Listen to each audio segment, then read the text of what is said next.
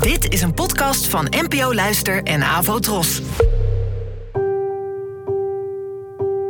Poëzie vandaag. Met Ellen Dekwits.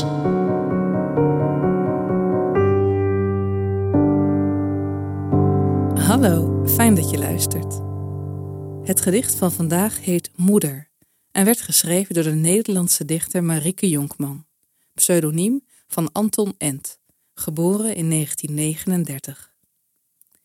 Moeder, zoals jij je dochters verzorgde, een godin moest je zijn.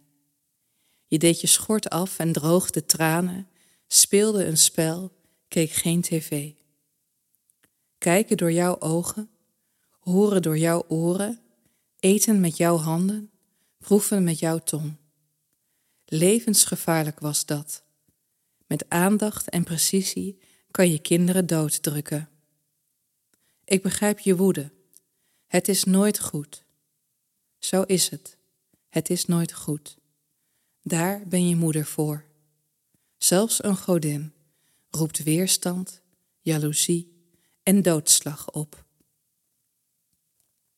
Ja, dit vind ik een van de schrijnendste gedichten over het moederschap dat ik ken. Eh, simpelweg omdat hier wordt beschreven hoe je het als moeder, hoezeer je je best ook doet en jezelf opoffert, je het eindelijk, eigenlijk nooit goed kan doen.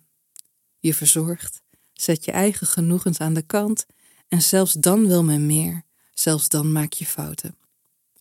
En als ik dit soort gedichten lees, denk ik wel eens dat veel kinderen van hun ouders verwachten dat het goden zijn. En woedend worden als ook zij slechts gewoon mens blijken. Bedankt voor het luisteren en tot de volgende keer.